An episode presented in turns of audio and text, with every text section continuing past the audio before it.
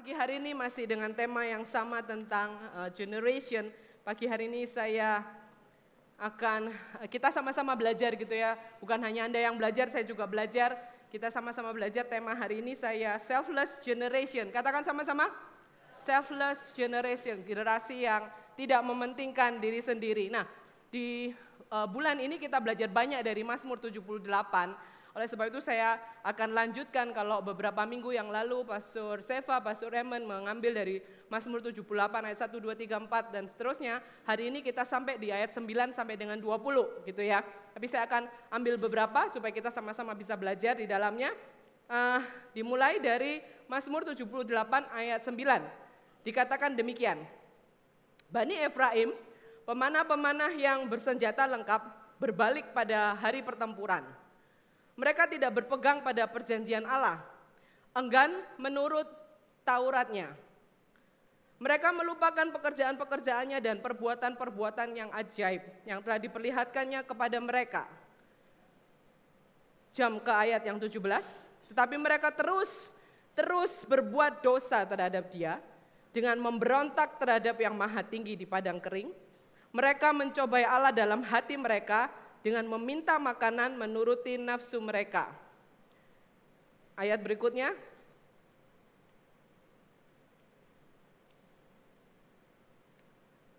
Oke, okay. Mulmet bisa bantu. Nah, ayat yang 19 berkata begini, mereka berkata kepada Allah, sanggupkah Allah menyajikan hidangan di padang gurun? Memang ia memukul batu sehingga terpancar air dan membanjiri sungai-sungai tetapi sanggupkah ia memberikan roti juga atau menyediakan daging bagi umatnya? Bapak Ibu Saudara semuanya kalau Anda baca ayat ini ya, jadi dari ayat 9 sampai yang ke-20 gitu, apalagi 19 dan 20. Uh, kalau ada anak kita gitu ya tiba-tiba atau ya anak kita lah paling enggak nanya kepada kita, Pak Ma, sanggup enggak sih Papa Mama kasih aku makan gitu ya. Kayaknya apa yang kita mau lakukan? Gitu ya, ada yang gini gitu ya. Kasih tetap kasih makan sih gitu, tetap kasih makan. Cuman ini kalau orang Surabaya bilangnya apa ya istilahnya? Ngelama ya, yang, yang bukan dari Surabaya nggak ngerti bahasa Surabaya, ini bahasa Surabaya, eh gitu ya. Ini ada orang yang ngomong kayak gini, ini bangsa Israel loh. Bangsa Israel ini bilang seperti ini, menantang Tuhan dan nanya sama Tuhan, sanggupkah Allah menyajikan hidangan di padang gurun? Wow, luar biasa ya berani bilang begitu gitu ya. Mazmur 78 ini mengingatkan bangsa Israel mengapa demikian banyak hukuman berat dari Allah menimpa mereka sepanjang sejarah. Mazmur ini ayat 78 ini mengingatkan kita juga gitu ya. Nah perikopnya kalau Anda lihat perikop daripada ayat 78 ini bilang tentang pelajaran dari sejarah dalam kehidupan kita banyak yang dipelajari dari sejarah, gitu ya, sejarah masa lalu kita, sejarah bangsa ini, sejarah ini dan segala macam. Banyak yang kita bisa pelajari dari dari sebuah sejarah. Dan Mazmur 78 ini mengajar kita tentang sebuah sejarah ya. Nyanyian ini Mazmur 78 ini mengingatkan mereka waktu itu bangsa Israel untuk belajar dari kegagalan rohani nenek moyang mereka dan berusaha dengan dan berusaha dengan tekun menjauhi ketidakpercayaan dan ketidaksetiaan yang sama. Ya, jadi Mas Muni mengingatkan mereka untuk supaya mereka belajar dari kegagalan rohani nenek moyang mereka. Bangsa Israel sudah waktu saya baca gitu ya cerita daripada keluarnya dari Mesir sampai ke tanah Kanaan. Wow, ini banyak mujizat yang dilakukan oleh Allah di tengah-tengah bangsa Israel. Sudah melihat mujizat aja masih bersungut-sungut gitu ya sudah melihat mujizat masih berani ngomong seperti ini gitu. Nah ini Mazmur 78 ini mengingatkan mereka dan juga mengingatkan Anda dan saya pada pagi hari ini. Mengajarkan prinsip-prinsip dan ajaran firman Allah kepada anak-anak kita bukan soal pilihan. Jadi bukan soal pilihan tetapi perintah. Tuhan memerintahkan ya. Dan kita belajar pagi hari ini ketika Tuhan memberikan perintahnya, Tuhan juga memberikan kasih karunia. Supaya kita bisa menyelesaikan menyelesaikan perintah-perintahnya. Dia bukan Allah yang sekedar menyuruh-nyuruh atau memerintah-merintah kita dengan seenak-enaknya atau semena-mena ya. Dia kalau memberikan perintah, dia memberikan perintah yang begitu detail seperti kepada bangsa Israel, dia juga memberikan kasih karunia supaya mereka bisa uh, menjalani apa yang diperintahkan. Dan itu termasuk kepada Anda dan saya. Ketika kita belajar kebenaran-kebenaran firman Tuhan, saya percaya Tuhan juga memberikan kepada kita kasih karunia untuk bisa taat di dalamnya. Ayat 78 ini mengajarkan kepada kita untuk tidak melupakan perbuatan-perbuatan dan mujizat-mujizat yang telah dilakukan oleh Allah. Berapa waktu yang lalu kita belajar dari angkatan kepada angkatan gitu ya. Kita harus menceritakan apa yang diperbuat, apa yang Tuhan sudah perbuat dalam kehidupan kita. Kita ceritakan kepada generasi-generasi uh, di bawah kita. Dan kita mau belajar dari Mazmur 78 ini. Tuhan mengingatkan kita semua supaya jangan menjadi seperti generasi bangsa Israel yang memberontak kepada Tuhan karena mementingkan diri sendiri, tidak tahu diri, dan tidak mengucap syukur. Mereka memberontak, mereka tidak tahu diri, mereka mementingkan kepentingan mereka sendiri, dan mereka tidak mengucap syukur. Kita belajar dari sejarah. Apa yang ditulis di firman Tuhan semuanya itu mengajarkan kepada Anda dan saya untuk kita bisa hidup lebih benar lagi, hidup lebih baik lagi ya. Salah satu faktor dalam uh, saya mencatat gitu ya, ada salah satu faktor daripada terjadinya perpecahan, baik itu di dalam keluarga, di dalam pekerjaan, di dalam pelayanan, di dalam pertemanan kita, di dalam masyarakat, ada ada faktor ini yang sering membuat terjadinya perpecahan. Itu namanya mementingkan diri sendiri. Ya, faktor ini menimbulkan banyak kekacauan. Nanti kita lihat firman Tuhan katakan. Nah, eh, Merriam-Webster mendefinisikan mementingkan diri sendiri atau selfish dengan kata-kata gini, perhatikan baik-baik, memperhatikan diri sendiri secara berlebihan, mendahulukan kenyamanan dan keuntungan diri sendiri tanpa memperhatikan atau bahkan bahkan apa? mengorbankan kenyamanan atau kepentingan orang lain. Ini definisinya mementingkan diri sendiri. Nah sering kali kita tuh dengar kata-kata ini, kalau bukan aku sendiri yang mementingkan diriku, terus siapa lagi pastor? Ya kan aku harus mementingkan diriku sendiri, kalau bukan aku tuh siapa lagi gitu ya. Ada pertanyaan tuh sering kali itu muncul dalam pemikiran kita. Saudara, hari ini saya mengajar Anda untuk punya paradigma yang benar, bahwa Tuhan memberikan Anda tanggung jawab untuk mengelola apa yang harus Anda kelola seperti diri Anda sendiri harus dikelola dengan baik karena Anda mempercayakan sesuatu yang besar, potensi yang besar dalam hidup Anda dan saya, sehingga kita harus bertanggung jawab terhadap itu. Tuhan mempercayakan kepada kita keluarga, Tuhan mempercayakan kepada kita pekerjaan, yang kita harus bertanggung jawab di dalamnya. Bukan berarti terus kebalikannya, hari ini saya dengar uh, kita tidak mementingkan diri sendiri, akhirnya mengorbankan diri sendiri justru untuk hal-hal yang uh, berbeda gitu ya. Jadi kita harus tahu apa yang Tuhan percayakan di tangan kita, kita harus kelola dengan baik, tapi juga tidak hanya mementingkan diri sendiri, tetapi juga kita belajar untuk memikirkan orang lain gitu ya. Ini uh, susah gitu ya. Tuhan mengajarkan kita bertanggung jawab. Dan ketika seseorang mementingkan diri sendiri, ia akan menjadikan dirinya sebagai pusat. Pusat ya, dan tidak lagi memperdulikan kepentingan orang lain, bahkan perasaan orang lain. Justru inilah sumber banyak kekacauan. Saudara, kita ini naturally mementingkan diri sendiri. Percaya nggak kalau kita ini naturally mementingkan diri sendiri? Percaya ya, semua kita pasti mementingkan diri sendiri. Dari mana taunya? Kalau Anda foto bersama sekarang ini, saya foto nih dari atas, foto bersama. Jebret gitu ya. Terus itu pakai handphone Anda, terus saya kembalikan ke Anda. Apa yang Anda lakukan? Anda akan langsung zoom, lihat, yang dilihat siapa? Oh Pastor Allen, oh Pastor Lina. Hah, gitu ya, nggak mungkin. Yang Anda lihat adalah diri sendiri. Anda zoom diri sendiri, pasti ya gitu. Siapa yang melakukannya? Nggak usah ya, nggak usah angkat tangan gitu ya. Kita naturally born like that gitu ya. Kita akan zoom diri kita, kita akan lihat merem enggak gitu ya. Lagi posisi jelek enggak. Si kita nggak peduli sama orang lain. Nanti yang sebelahnya posisinya merem atau mukanya begini kita nggak peduli, tapi kita peduli sama diri kita sendiri. Bahkan saking mementingkan diri sendirinya, akhirnya waktu kita kedapatan merem, kita bilang, foto ulang. Bener nggak? Foto ulang. Padahal yang lainnya semua posisinya bagus. Nggak ada yang nggak ada yang merem, hanya kita yang merem. Tapi kita minta suruh ulang dan semua suruh nunggu. Kita foto bersama lagi. Kita lahir seperti itu, gitu ya. Dan itu nggak ada yang salah. Cuman hari ini kita belajar untuk tidak hanya memikirkan kitanya sendiri gitu ya, tidak hanya memikirkan diri sendiri karena kita naturally seperti itu gitu ya. Nah, hari ini kita belajar, oh ada lagi mungkin, saya baru tahu di handphone gitu ya ada satu aplikasi yang uh, saya nggak tahu namanya potret atau apa yang kalau kita foto yang kita jelas belakangnya blur semua. Ada nggak yang gitu ya? Ya potret ya, ada potret. Nah itu jadi kitanya bagus pokoknya belakangnya blur. Gak mau tahu gitu ya, pokoknya kita gitu ya. Nah ini ini yang terjadi di sekitar kita gitu ya. Ini ketika seseorang mementingkan diri sendiri, menjadikan diri sendiri pusatnya dan tidak mempedulikan orang lain, nah ini sumber kekacauan. Nah firman Tuhan bilang loh, ini bukan saya yang bilang, tapi firman Tuhan yang bilang. Yakobus 3:16 kita baca bareng-bareng yuk. Satu, dua, tiga. Sebab di mana ada dan mementingkan diri sendiri, di situ ada dan segala macam perbuatan jahat. Bukan saya yang ngomong, ini firman Tuhan yang bilang. Nah, iri hati dan mementingkan diri ini berteman baik. Temen, temenan baik. Jadi kalau ada iri hati, pasti ada mementingkan diri sendiri. Nah itu firman Tuhan bilang, pasti ada kekacauan dan segala macam perbuatan jahat gitu ya. Mengapa dikatakan ada kekacauan sih? Kenapa kok ada dikatakan kekacauan? Karena orang yang mementingkan diri sendiri sulit menjalin kerjasama dengan orang lain sebagai anggota tim. Sulit, karena apa?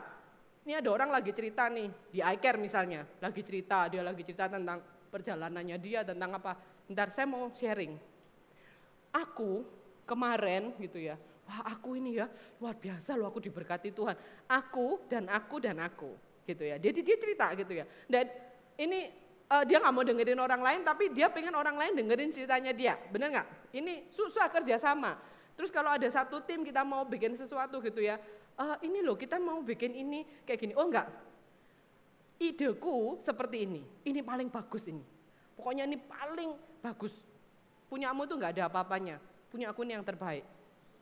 Gitu ya, di, di mana ada mementingkan diri sendiri pasti ada kekacauan nantinya. Nah, Mengapa dikatakan ada kekacauan? Karena orang yang mementingkan diri sendiri cenderung mudah marah, dikatakan di situ tersinggung dan tidak bisa menguasai diri. Kenapa? Kok bisa ya? Orang males sama dia karena dia cerita, terus karena mimi mimi terus dia nggak didengerin. Akhirnya dia jadi marah toh. Jadi dia marah, jadi dia tersinggung, kemudian akhirnya dia tidak bisa menguasai diri. Kenapa ada kekacauan? Karena orang yang mementingkan diri sendiri cenderung menghakimi dan mencela orang lain karena menganggap dirinya paling benar.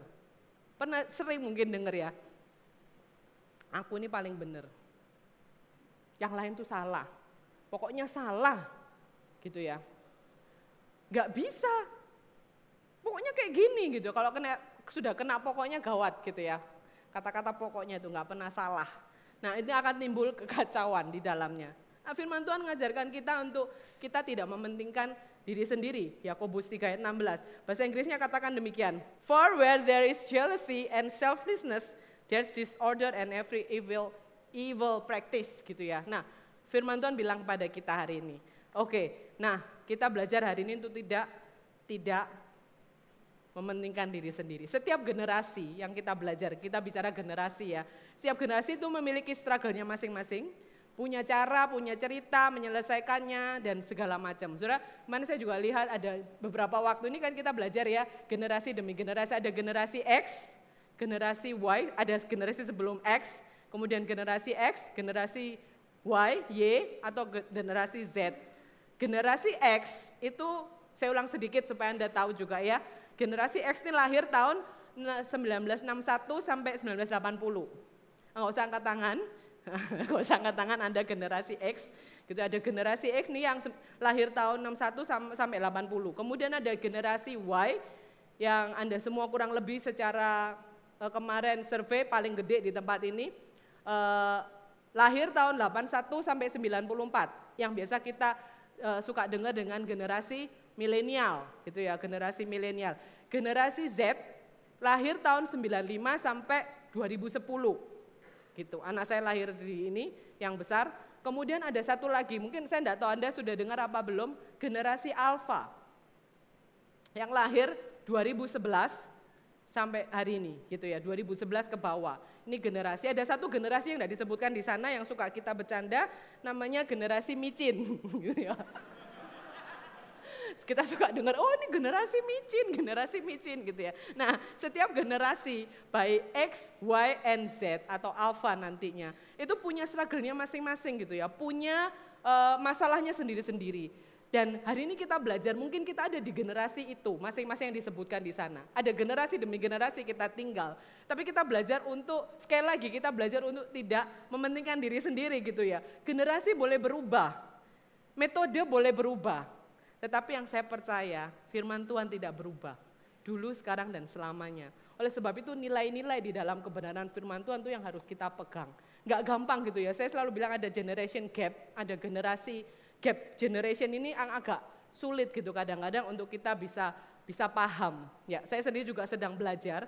Kalau generasi saya, generasi saya ini biasanya kalau shopping itu suka pergi ke tokonya gitu ya. Kalau butuh sesuatu suka pergi ke tokonya, lihat barangnya, terus baru kalau butuh beli gitu ya. Generasi yang milenial, saya belajar dari teman-teman di office gitu. Generasi yang milenial berbeda gitu ya. Kemarin saya sempat ngomong sama sama salah satu teman di situ, eh kamu pergi ke toko ini ya, nanti kalau di sana titip ya beliin ini ini ini gitu. Saya titip sama dia. Pastor ngapain sih? Ini ada di sini. Dia mengeluarkan handphonenya, jeng jeng gitu ya. Ada salah satu aplikasi. Pastor butuh apa? Dia uh, memilihkan dan send. Besok kirim pastor. Wow, gitu ya.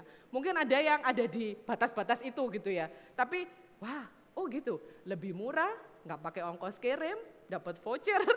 Wow, iya ya, lebih murah daripada saya mesti ke toko. Nah, ini generasi, perbedaan generasi yang kita harus belajar gitu ya. Kadang-kadang kalau kita nggak mempelajari ini, kita jadi bisa bisa berantem gara-gara perbedaan generasi ini, beda generasi. Apalagi generasi yang uh, Z gitu ya, generasi Z semua multimedia dan lain sebagainya sangat-sangat sangat berkembang begitu luar biasa. Saya nggak tahu nanti generasi alfa kayak apa gitu ya anak-anak kita nantinya anak-anak anda di generasi itu. Kalau kita nggak prepare dan kita tahu bahwa kebenaran firman Tuhan tidak berubah, kita akan uh, banyak kekacauan terjadi. Anda mau untuk uh, kita belajar sesuatu dari firman Tuhan supaya tidak terjadi kekacauan di generasi kita gitu ya. Anda yang suka gamers, Zaman yang generasi X, mungkin generasi X gamenya apa ya? Pac-Man. Pac-Man. Lama banget ya. Oh Tetris, yes. Tetris, Pac-Man, zaman-zaman itu. Anda belum lahir mungkin yang di sini. Di zaman itu gitu ya. Setelah itu generasi milenial sudah apa gamesnya?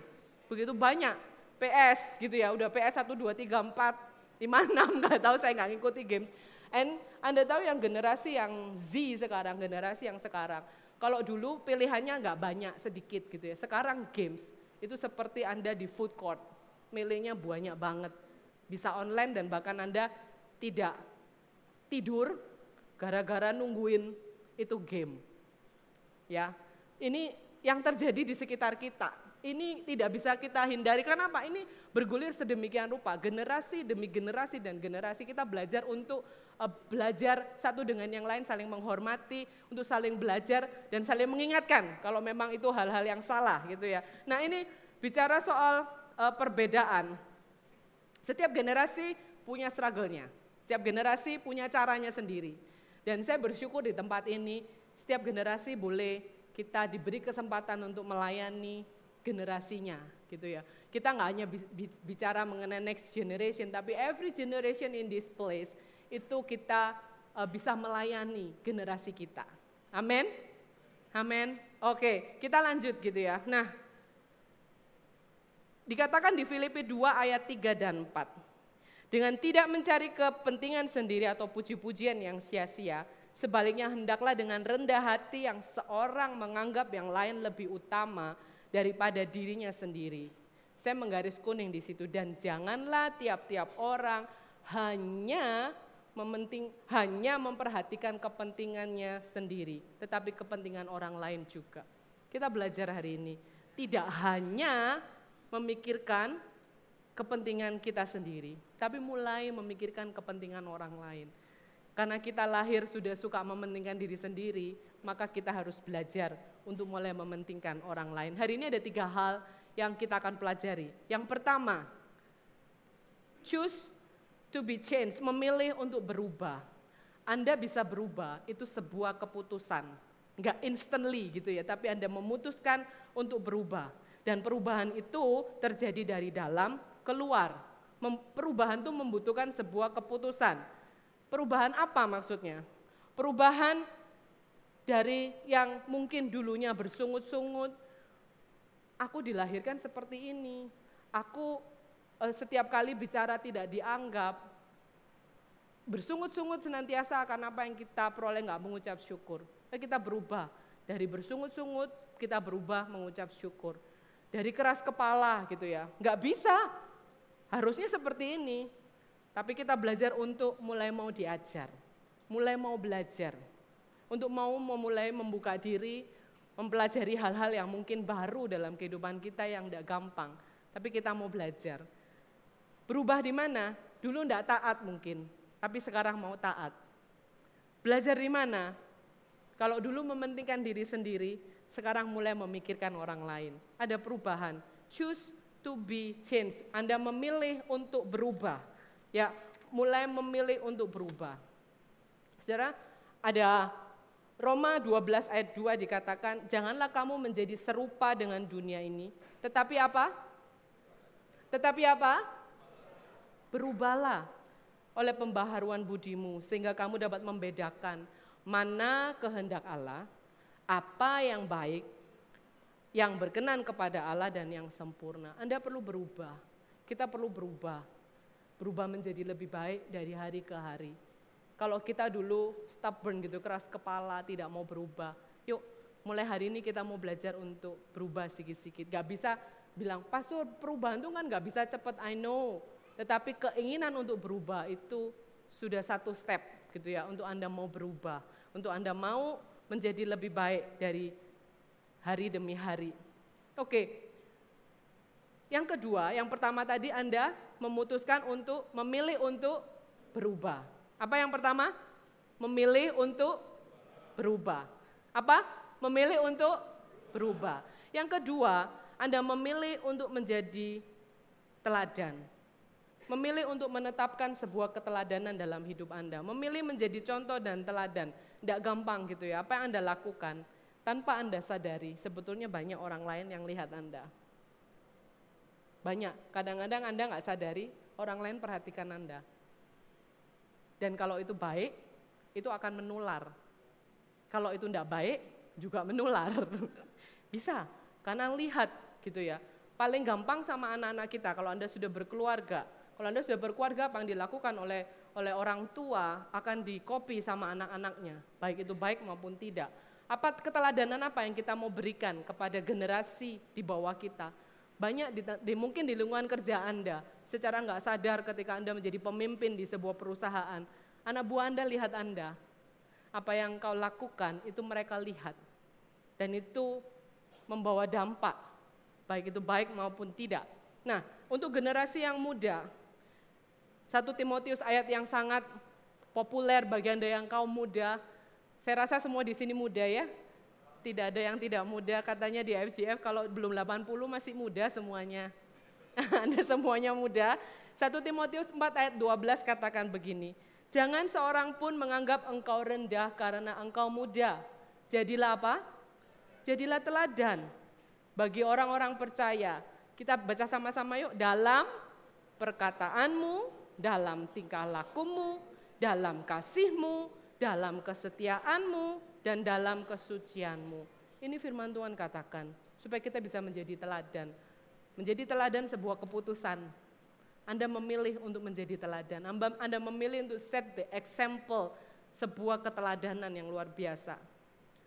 Untuk Anda mungkin para pemimpin, firman Tuhan 1 Petrus 5 ayat 3 juga berkata kepada kita, Janganlah kamu berbuat seolah-olah kamu mau memerintah atas mereka yang dipercayakan kepadamu. Mungkin Anda leaders, Mungkin Anda bos di tempat Anda bekerja. Ini firman Tuhan berbicara kepada kita semuanya. Tetapi hendaklah kamu menjadi teladan bagi kawanan domba itu. Tuhan percayakan orang-orang di sekitar kita untuk kita pimpin. Dan Tuhan bilang, jadilah teladan. Anda harus menjadi teladan di dalam apa tadi? Perkataan, dalam tingkah laku kita, dalam kasih kita, dalam kesucian kita, dalam kesetiaan kita. Dan ini Anda harus memilih untuk Anda mau menjadi teladan bagi orang lain. Itu yang kedua. Yang ketiga, memilih untuk tidak mementingkan diri sendiri. Yang pertama tadi memilih untuk berubah, yang kedua memilih untuk menjadi teladan, yang ketiga memilih untuk tidak mementingkan diri sendiri. Tidak gampang gitu ya, untuk tidak mementingkan diri sendiri. It's not easy untuk tidak mementingkan diri sendiri. Nah kita belajar hari ini, saya hanya singkat untuk menyampaikan cerita tentang dua cerita sebetulnya. Yang pertama adalah cerita tentang Abraham. Kalau Anda tahu Abraham, Abraham disuruh Tuhan keluar dari tanah tempat dia uh, lahir untuk pergi ke satu tanah perjanjian yang dia tidak tahu. Kemudian dia pergi, dia bawa seluruh keluarganya dan juga keponakannya namanya Lot. Uh, dia pergi Abraham ini kaya sekali gitu ya. Jadi dia bawa semua harta bendanya dia untuk pergi. Dan sampai satu hari saking banyaknya kemudian uh, pegawai-pegawainya ini gembala-gembalanya berantem gitu ya. Karena berantem tempat dan segala macam. Makin banyak orang biasanya uh, gampang juga makin berantem gitu ya. Akhirnya sampai satu satu waktu di mana kejadian 13 ayat 8 dan sampai 9 nanti Anda baca ceritanya di kejadian kejadian 13 Akhirnya Abraham bilang begini sama Lot. Maka berkatalah Abraham kepada Lot, janganlah kiranya ada perkelahian antara aku dan engkau, antara gembalaku dan para gembalamu. Sebab kita ini kerabat, kita ini satu keluarga, kita ini satu family gitu ya. Dan dia bilang kita ini kerabat, jangan ada perkelahian di antara aku dan kamu, antara gembalaku dan gembalamu. Bukankah seluruh negeri ini terbuka untuk engkau? Baiklah pisahkan dirimu daripadaku. Jika engkau ke kiri, maka aku ke kanan. Jika engkau ke kanan, maka aku ke kiri. Saudara kalau Anda baca ayat ini, sebetulnya Abraham bisa menentukan duluan. Ya, secara kepemimpinan, secara uh, usia, dia bisa memilih, dia bisa menentukan sendiri, oh aku mau yang ini, sisanya kamu gitu ya. Aku pilih yang terbaik dulu, sisanya kamu. Bisa Abraham lakukan, tapi dia tidak lakukan. Dia tidak memikirkan dirinya sendiri. Dia bilang sama Lot, kamu pilih, kalau kamu ke kanan, aku ke kiri, kalau aku ke kiri, kamu ke kanan. Nah, kita lanjut, kejadian 13 ayat 11. Sebab itu Lot memilih baginya seluruh lembah Yordan itu, lalu ia berangkat ke sebelah timur dan mereka berpisah. Akhirnya mereka berpisah. Salahnya Lot, dia memilih satu daerah yang kelihatannya bagus, tetapi justru akhirnya menghancurkan dia gitu ya. Nah, kita lihat Abraham memberikan pilihan kepada Lot. Dia tidak mementingkan diri sendiri, dia kasih Lot pilih duluan. Dan kita tahu akhir ceritanya Abraham luar biasa. Dia diberkati Tuhan lebih-lebih daripada lebih gitu ya. Nah, ada satu cerita lagi di sana tentang Ruth. Kita belajar dari beberapa tokoh Alkitab yang mengajarkan kepada kita untuk mereka tidak hidup menurut keinginannya sendiri ya.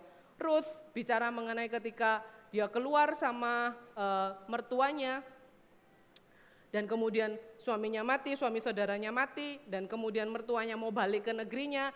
Terus mertuanya bilang, "Udah kamu balik aja lah ke ke daerahmu masing-masing."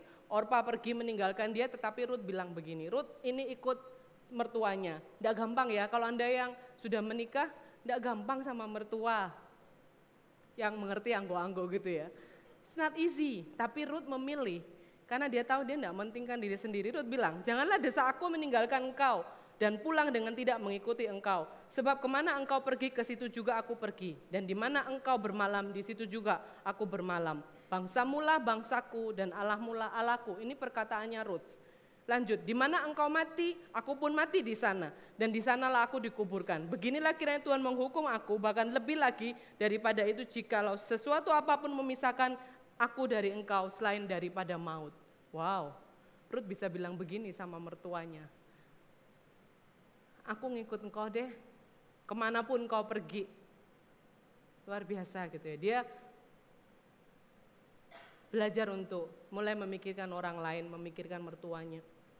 Dan dari cerita ini kita bisa lihat akhirnya dia menikah dengan Boas dan seperti yang beberapa waktu yang lalu akhirnya kita tahu dari keturunan ini lahirlah Kristus. Saudara, banyak dari kehidupan kita ketika kita tidak mementingkan diri sendiri. Ada banyak hal yang bisa terjadi dan itu bisa jauh lebih baik daripada tidak gitu ya. Nah, kita belajar gitu hari ini. Untuk pertama kita memilih untuk berubah. Kedua kita memilih untuk menjadi contoh. Bukan hanya contoh kepada next generasi kita, tetapi juga contoh kepada generasi sebelum kita. Kita belajar untuk hidup kita menjadi teladan di semua area, di semua generasi yang Tuhan ada di sekitar kita. Tuhan taruh kita di sekitar kita gitu ya.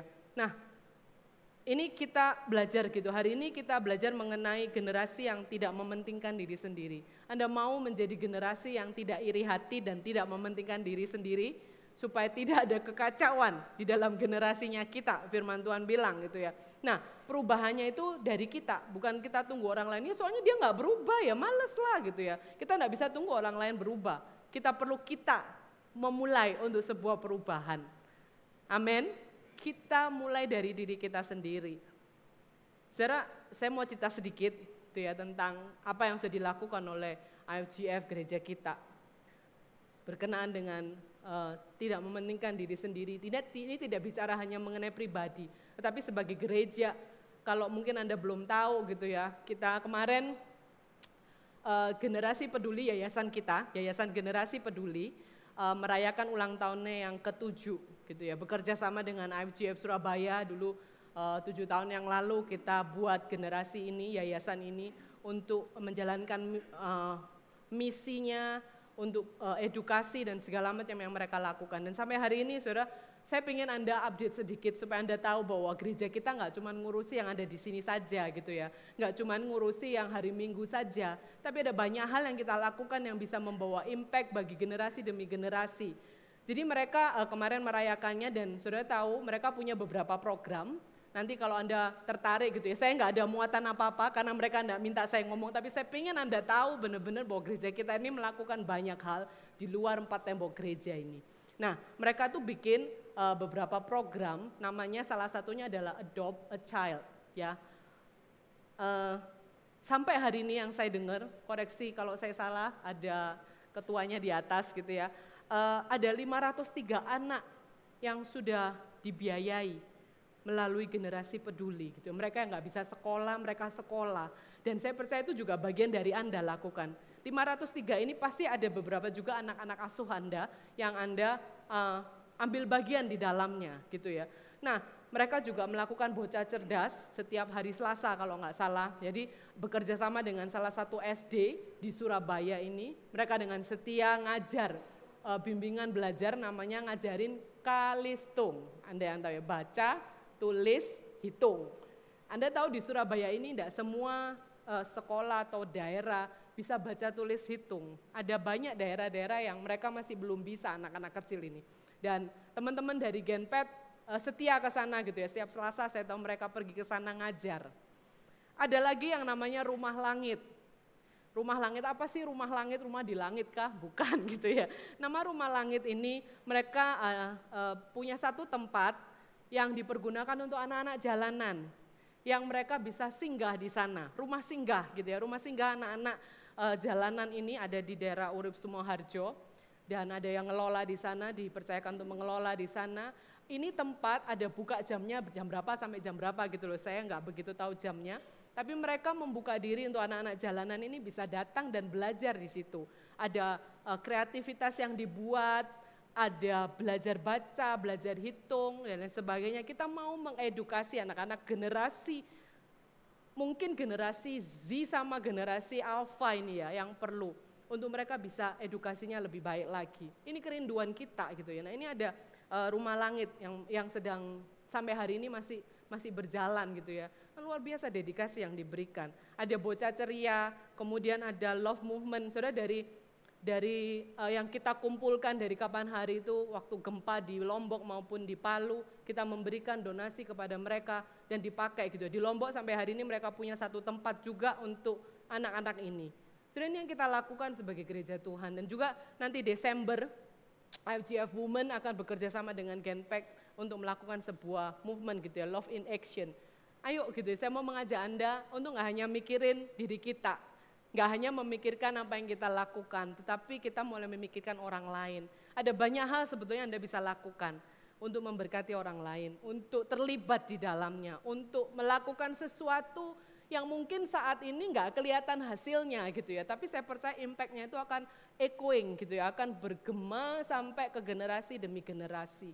Kan kita nggak mau jadi generasi yang cuma memikirkan diri kita sendiri, generasi yang mulai memikirkan apa yang kita bisa berikan buat generasi berikutnya, generasi alfa, generasi nantinya.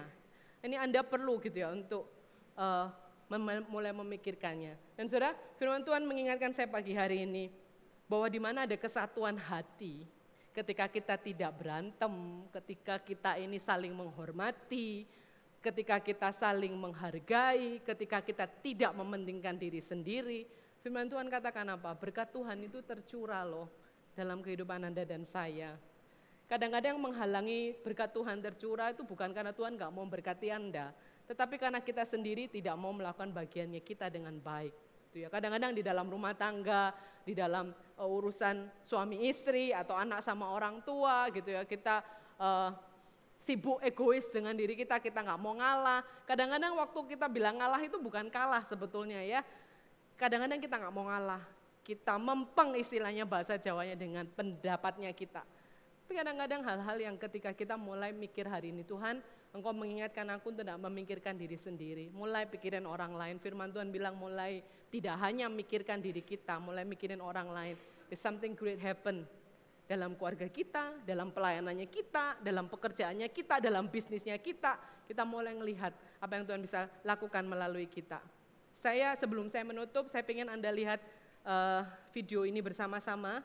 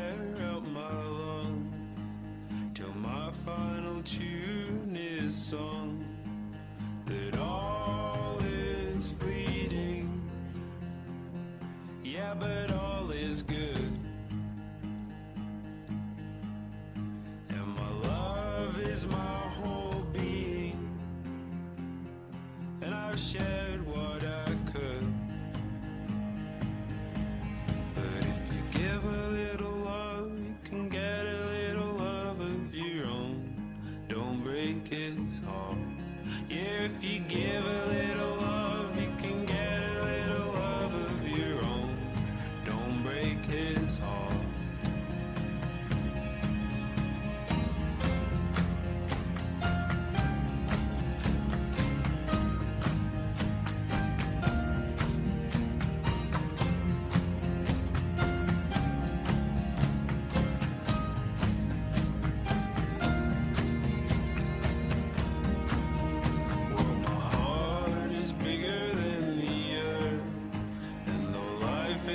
David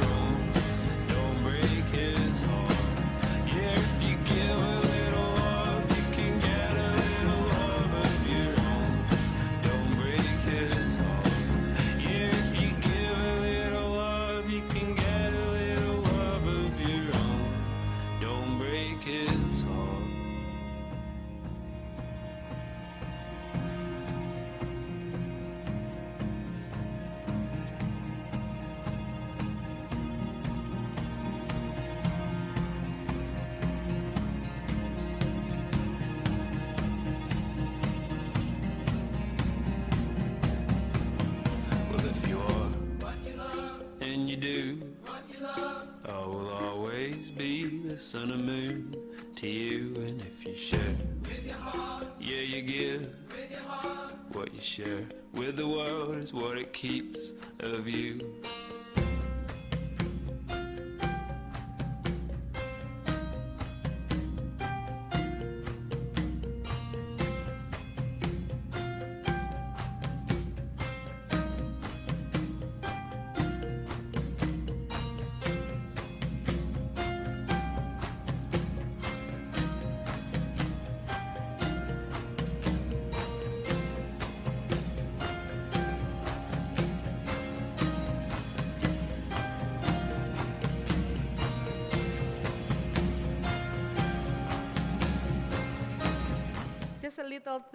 Yang kita lakukan, it will be impact banyak orang gitu ya. Anda mau ini bukan sekedar Anda dengar firman Tuhan, tetapi saya juga ingin Anda melakukan.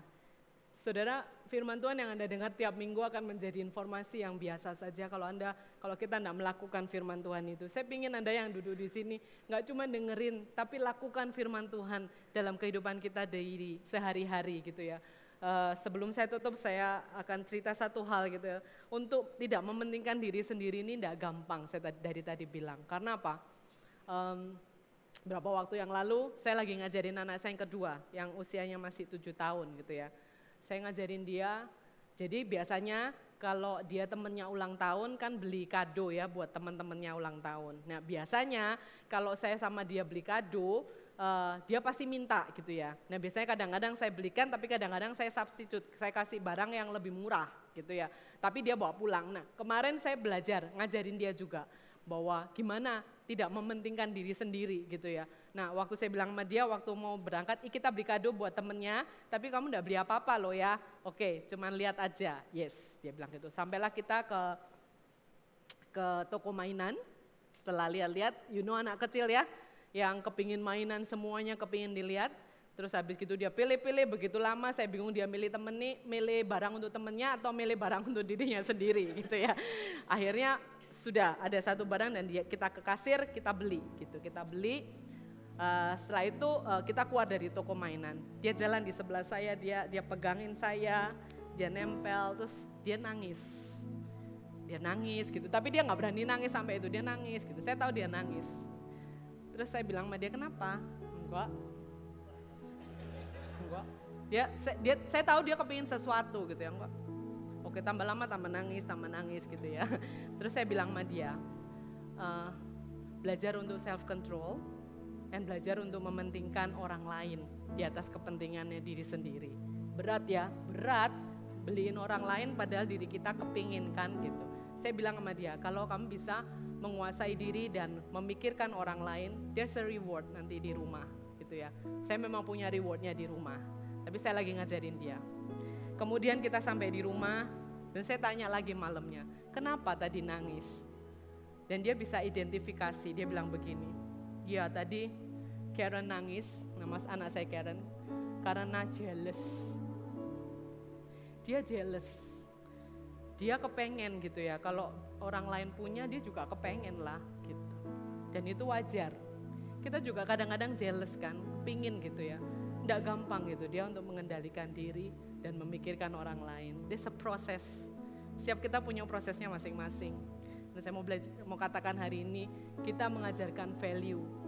E, generasi boleh berubah metode boleh berubah tapi firman Tuhan tidak berubah dan kita harus belajar untuk terus-menerus membaca, merenungkan, dan melakukan firman Tuhan. Dan ini yang kita lakukan gitu ya. Kalau hari ini kita belajar untuk tidak mementingkan diri sendiri, ayo kita mulai dari sesuatu yang mungkin masih belum gede-gede amat, tapi kecil kita bisa lakukan. Uh, saya pengen challenge Anda, ada project yang Anda harus lakukan untuk sepulang dari tempat ini, Anda kenalan dengan dua atau tiga orang yang Anda belum pernah kenal There's a project gitu ya, yang Anda belum kenal. Tidak boleh teman se-iCare, no no gitu ya, karena teman se-iCare Anda pasti kenal. Teman atau Anda sudah sering lihat di tempat ini setiap minggu Anda lihat tapi nggak pernah ngobrol. Yuk kita nggak mentingin diri sendiri, ngobrol sama iCare kita, atau pulang duluan, tapi hari ini ada project yang harus kita lakukan. Yuk kenalan gitu ya sama dua atau tiga orang.